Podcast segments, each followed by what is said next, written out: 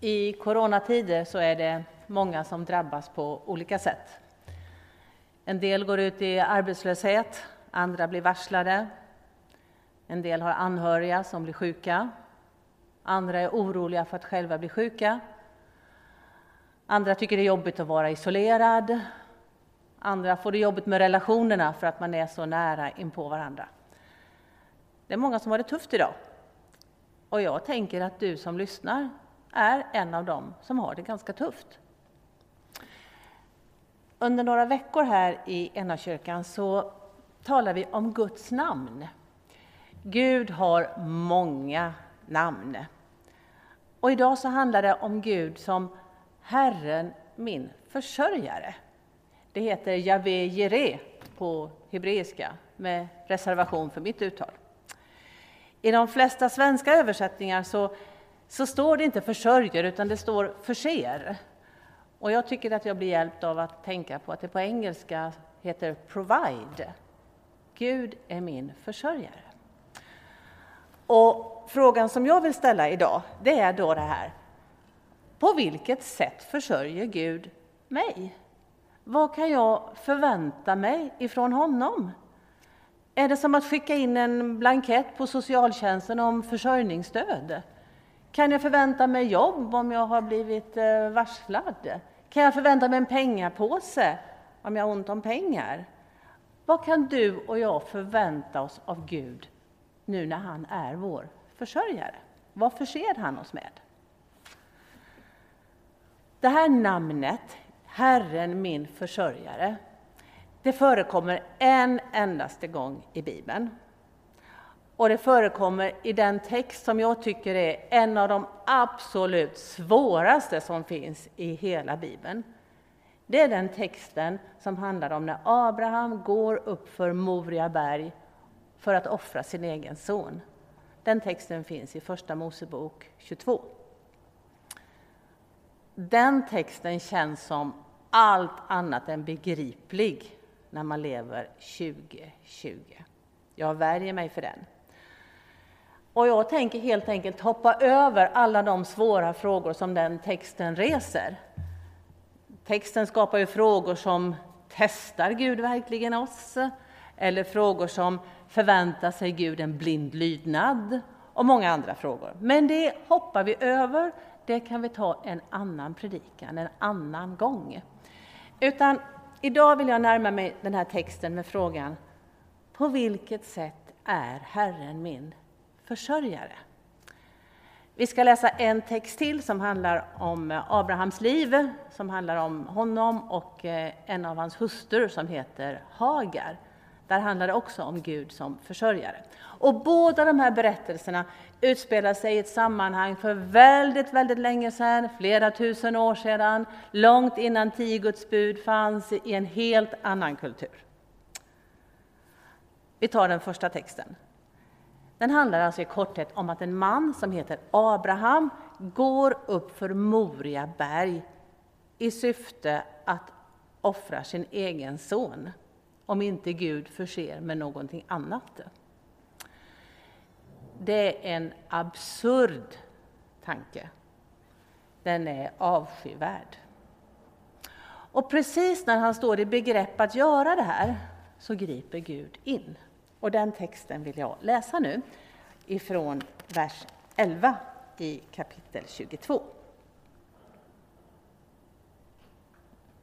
Då ropade Herrens ängel till Abraham från himlen.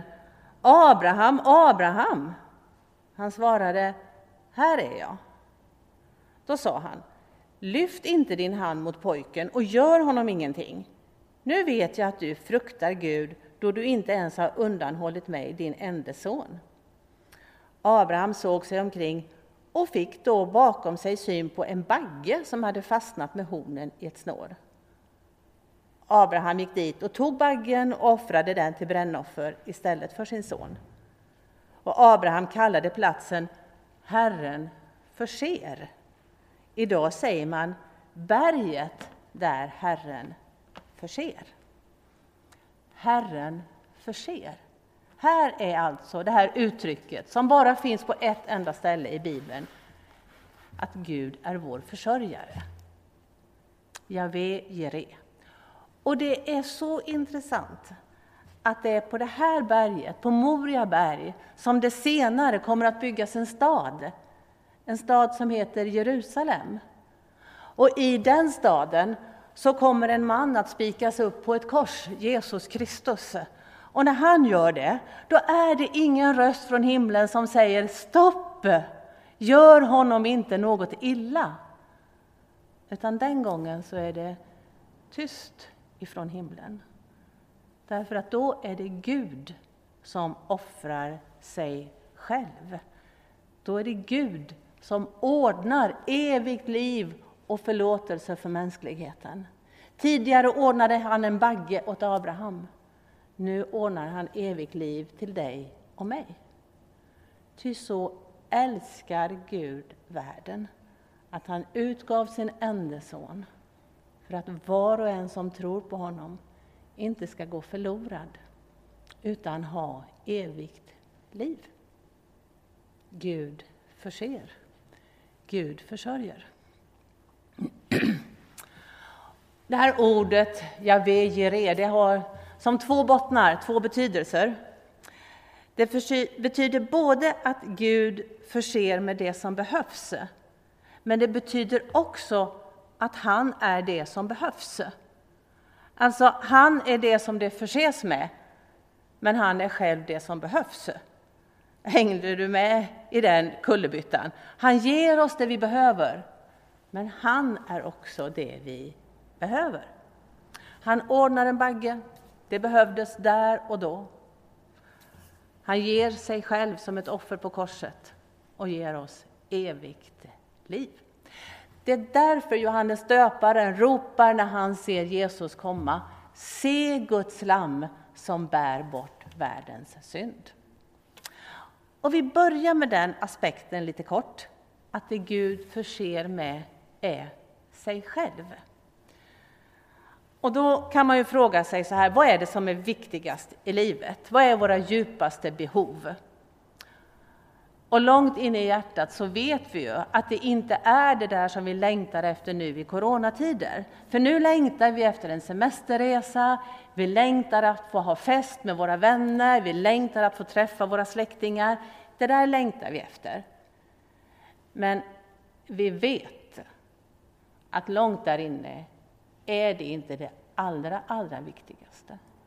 Vi vet att det viktigaste är det eviga livet, meningen med livet, förlåtelse för allt det som man har strulat till. Det törstar vi efter och det längtar vi efter. Och det är just det som Gud förser med.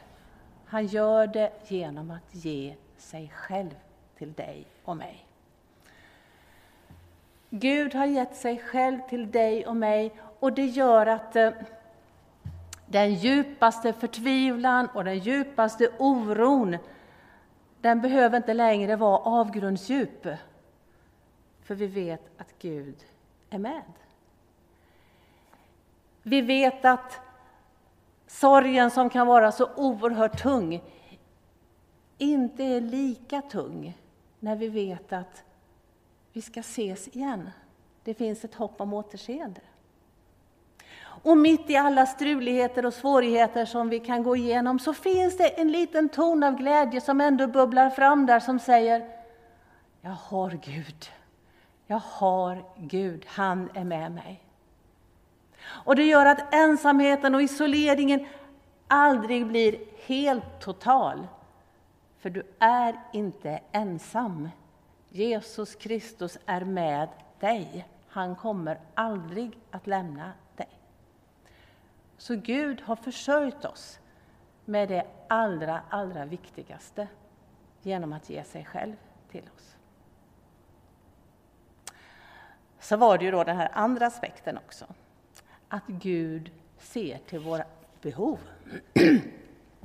Att han hjälper oss med våra behov dagligdags. Och då har det här ordet en dimension av att eh, förutse, att se lite längre fram. Alltså Gud som förutser. Och det ligger ju lite grann i det svenska ordet också. Förse, förse, se före. Alltså förstå innan vad som kommer att behövas lite längre fram. Gud är alltså den som i förväg vet vad vi kommer att behöva lite längre fram. Han ser bakom kröken. Innan vi går igenom något svårt så vet han och det finns en plan att kunna ta sig ur det. Han är vår försörjare. För Abrahams del så var det ju en bagge som Gud behövde ordna i förväg. En bagge som skulle trassla in sig i det där snåret och fastna med hornen. Jesus säger så här i Matteus kapitel 6. Er far vet vad ni behöver innan ni ber om det. Wow! Vi har en far som vet vad vi behöver innan vi själv är medvetna om det. Så vi kan lugnt komma med alla våra bekymmer, alla våra frågor och all vår oro till Gud. Han ser längre än vi. Och han brukar ha väldigt otippade lösningar. Alltså Guds otippade lösningar, det kan många kristna berätta om. Jag bodde några år i Afrika och där fick jag höra många berättelser om sådana här saker, om när maten tog slut hemma, om man bad till Gud och på det mest förunderliga sättet så ordnade det sig. I eh, vår hemgrupp eh, så är det flera som har haft eh, bekymmer och funderingar vad gäller arbetssituationen. Vad vi har bett om jobb i vår grupp. Och vilka häftiga, otippade lösningar som har kommit. Inte på en gång, men det har ordnat sig. Gud har utvägar för dig och mig. Vi kan inte räkna ut dem, men de finns. Han ser längre, han har ett annat perspektiv, han ser runt hörnet. Passa gärna på att intervjua någon troende som du känner och fråga hur den har upplevt att Gud har försörjt. Och tittar ni på det här tillsammans, ja men då har ni ju ett givet samtalsämne när gudstjänsten är slut. Hur har Gud försörjt? Hur har vi sett Guds hjälp? Jag lovade en berättelse till från Abrahams liv, den om Hagar. Och den står i Första Moseboken kapitel 21, alltså före den händelsen vi läste om när Abraham går upp på Moria berg. Abraham hade två fruar och det var rivalitet mellan dem. Alltså det här med bigami, det, det är inte bra. Nej, det blir inte bra. Och Abraham, Sara hon var Abrahams första fru och det är Sara som går till Abraham och säger Jag står inte ut med att se Hagar och hennes son. Skicka iväg dem. Det var ord och inga visor. Och då står det så här i Första Moseboken, kapitel 21 från vers 14, ett ganska långt avsnitt. Tidigt nästa morgon tog Abraham bröd och en lädersäck med vatten och gav det till Hagar. Han lade det på hennes axlar och lät henne gå tillsammans med pojken. Hon gav sig iväg och irrade omkring i Bersebas öken. När vattnet i lädersäcken hade tagit slut övergav hon pojken under en buske och gick och satte sig en bit bort på ett bågskotts avstånd, ty hon tänkte, jag orkar inte se på när pojken dör. Där hon nu satt på något avstånd brast hon i gråt. Då hörde Gud pojkens röst och Guds ängel ropade till Hagar från himlen och sa till henne, hur är det Hagar? Var inte rädd. Gud har hört pojkens rop där han ligger. Gå och res upp honom och ta hand om honom. Jag ska göra honom till ett stort folk. Och Gud öppnade hennes ögon så att hon fick syn på en brunn med vatten. Hon gick dit och fyllde sin lädersäck med vatten och gav pojken att dricka. Gud var med pojken och denne växte upp och bodde i öknen och blev bågskytt. Han bosatte sig i öknen Paran och hans mor tog en hustru åt honom från Egypten. Wow, vilken berättelse! Det är knappt som man kan föreställa sig det. En fördriven kvinna som med sin son irrar runt i öknen och vet inte vart hon ska ta vägen. Det är helt nattsvart. Hon ser ingen utväg. Hon ser bara mörker och död. Och hon lägger sig för att dö.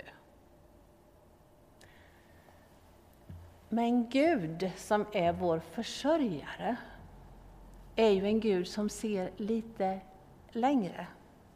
Han har ju lösningar på gång som Hagar inte alls kan se. Hon var utsatt för orättvisa.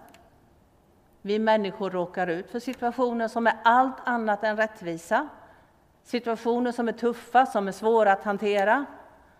Det är ju inte ditt fel att du kanske blivit av med jobbet på grund av corona. Det är ju inte ditt fel att du blivit isolerad, utan det har hänt. Det har drabbat oss. Men i detta som händer, i det svåra, i det obegripliga, så finns Herren vår försörjare. Gud som älskar människor och Gud som ser längre. Det står att Gud hörde pojkens rop. Och Gud säger till Hagar, var inte rädd. Ta hand om pojken. Lyft upp honom. Och så får hon syn på brunnen, som inte fanns där innan. Men nu fanns den där. Och hur allt sedan löste sig, det vet vi ju inte, men det står i alla fall att Ismael växte upp och han fick en fru från Egypten och det blev ett stort folk av honom. Så på något sätt så räddade det ju ut sig och det blev bra. Alltså Gud förser en bagge åt Abraham, vatten till Hagar och en framtid för Ismael. Jag tror på en Gud som i det mörkaste mörker kommer med lösningar som man inte hade sett innan. Gud är ingen jultomte. Gud är inte socialtjänst. Men han är våran far och han vet vad vi behöver. Han vet vad du behöver. Han hör dig och han ser dig. Han hör dig när du gråter och han ser dig när du känner dig ensam och isolerad och orolig. Och han har en utväg runt hörnet som inte du kan räkna ut, men den finns där.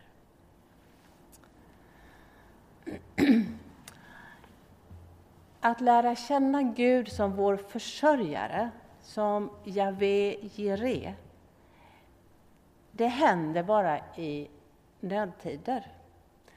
När allting rullar på och allting är precis som vanligt, eh, det är inte då vi lär känna den här sidan av Gud. Men i nödtider, det är då vi kan få lära känna att Herren är min försörjare.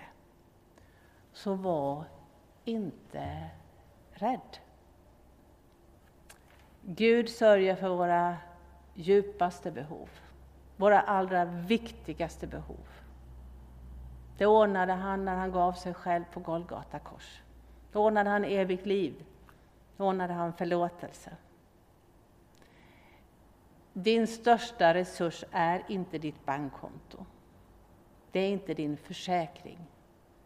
Din största resurs, det är Jesus Kristus. Att Gud har gett sig själv till dig. Vad du än går igenom, vad du än förlorar, du kommer aldrig att förlora Gud.